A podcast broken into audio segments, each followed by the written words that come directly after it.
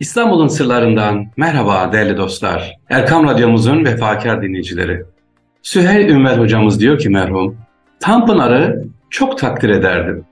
Bir gün koşa koşa geldi, Beyazıt meydanındaydık. Süheyl, Süheyl dedi. Süheyl, İstanbul sana emanet. Bu konuşmamızdan 10-15 gün sonra ölmez mi? İnsan bu dünyada bahtiyar olmak isterse İstanbul'u ihmal etmemelidir. İstanbul için uğraşınız. Evet bu sözler Süheyl Ünver hocamıza ait merhum. Ne diyor tekrar edelim. İnsan bu dünyada bahtiyar olmak isterse İstanbul'u ihmal etmemelidir. İstanbul için uğraşınız. Sevgili Erkam Radyomuzun değerli dinleyicileri biz de uğraşıyoruz efendim. Geçtiğimiz hafta sesimiz kısıktı size tam ulaşamadık.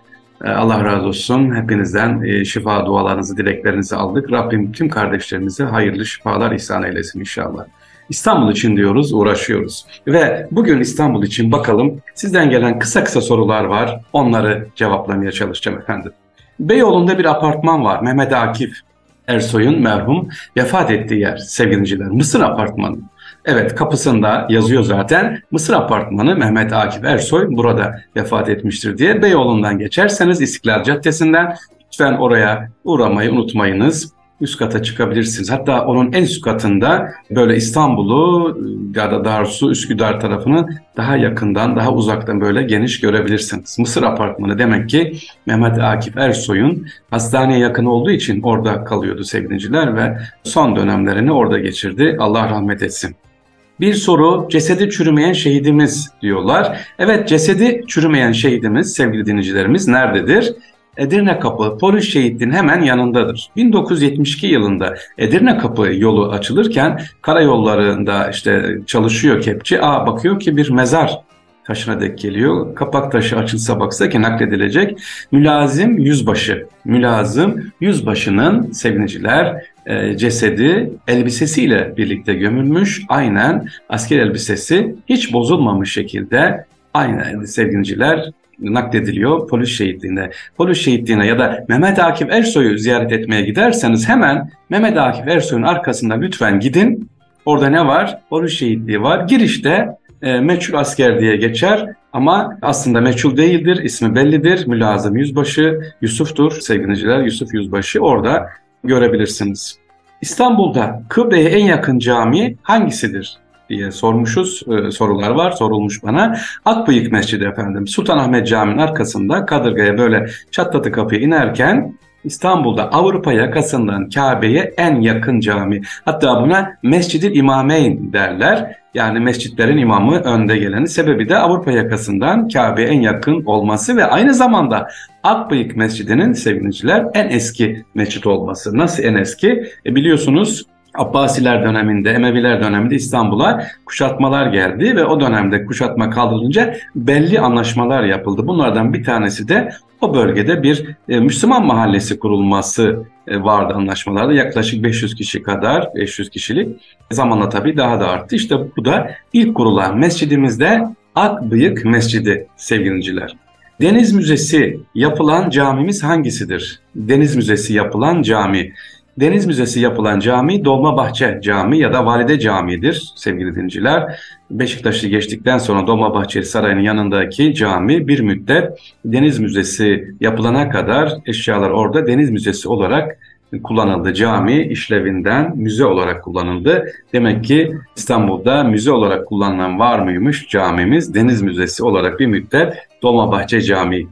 Başka sevgiliciler İstanbul'la ilgili baktığımız zaman özellikle İstanbul, İstanbul etrafınızda böyle o kadar çok farklı güzel bilgiler yazacağımız yerler var ki ama yeter ki biz merak edelim sevgiliciler. Evliya Çelebi soruluyor efendim. Evliya Çelebi'miz ve İstanbul. Evliya Çelebi Unkapanı'da doğdu sevgiliciler. Un kapanında doğdu. Ailesi Kütahyalı ve 1611-1682 tarihler arasında yaşıyor Evliya Çelebi. Şu anda zaten ezan sesini duyuyorsanız tam da Evliya Çelebi'nin babasının yaptırmış olduğu caminin oradayız. Evliya Çelebi'nin e, babası diyorum özür dilerim dedesi Evliya Çelebi'nin dedesi kimdir? İstanbul'da Fatih Sultan Mehmet Han'ı İstanbul'u almayan komutanın torunudur Evliya Çelebi. Kimdir o diyeceksiniz? E, Yavuz Ersinan sevgiliciler. Yavuz Ersinan Kütahyalı. E, 13 torunu da işte e, Evliya Çelebi. Nedir hikaye? E, dediğim gibi şu an ezanını duyduğunuz Yavuz Ersinan. Fatih Sultan Mehmet Han bir gün İstanbul dışına çıkıyor sevgiliciler. Teptili kıyafet İstanbul'a e, girecek ama kendi kanunu var, fermanı var. Diyor ki İstanbul'a bugün un kapanı İmeçe bloktan oradan girecek. Yavuz Ersinan Camii şu anda bulunduğumuz yerde orada. Evet içeriye almıyor. Diyor ki tanımıyor tabii gece vakti olduğu için yasıdan sonra giriş yasak. Sabah namazıyla açılıyor. E, bilmez misin diyor sultanımızın fermanı var diyor. Yasıdan sonra içeri girilmez. O da yazı yazıyor. Diyor ki Sultan Murat Hanoğlu Fatih e, Mehmet diye. Bunun üzerine Yavuz Ersinan kapıyı açıyor ama açarken mırıldanıyor. Diyor ki bu ne diyor hem diyor kendisi ferman çıkarıyor efendim e, gişe girilmesi şimdi açıyor diyor. Böyle biraz hani sokurdanıyor deriz Anadolu'da. Fatih bunun üzerine çok güzel bir cevap veriyor. Diyor ki dur diyor dur bire sen ne Yavuz Er misin açma kapıyı diyor.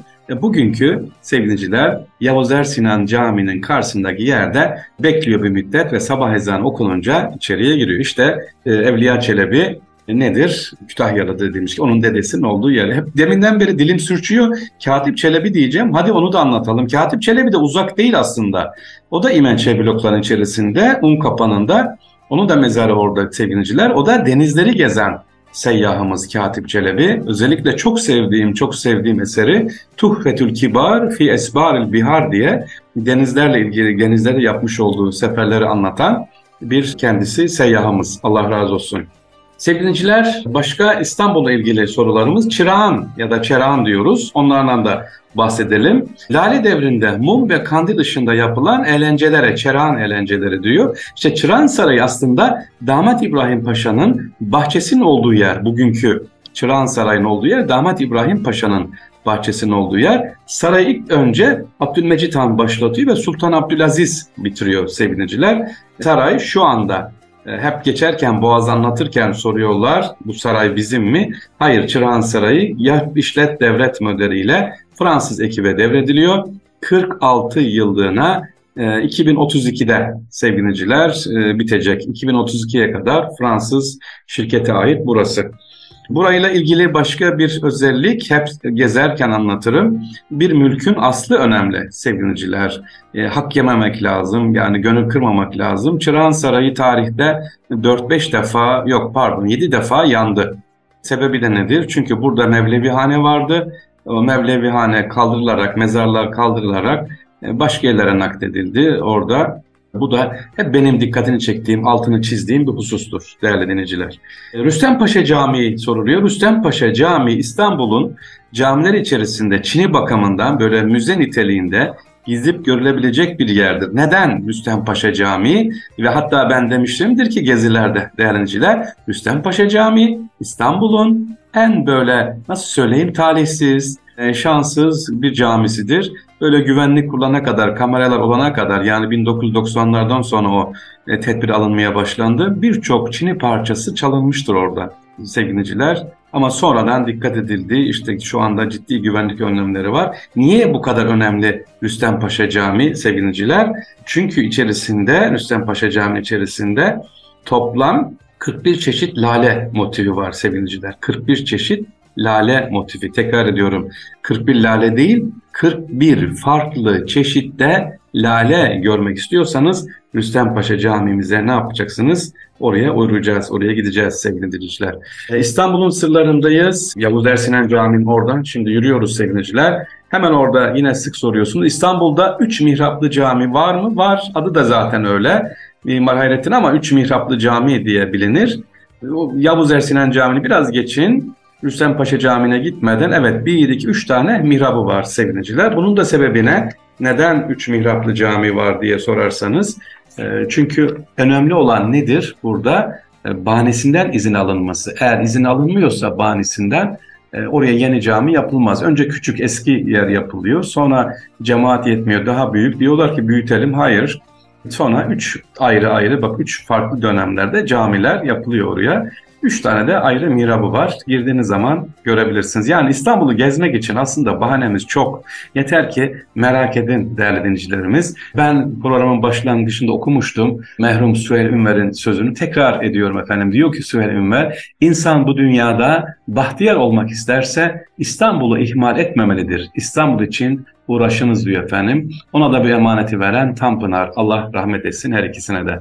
İstanbul'un sırlarından hepinize selam ve sevgiler efendim. Allah'a emanet olunuz.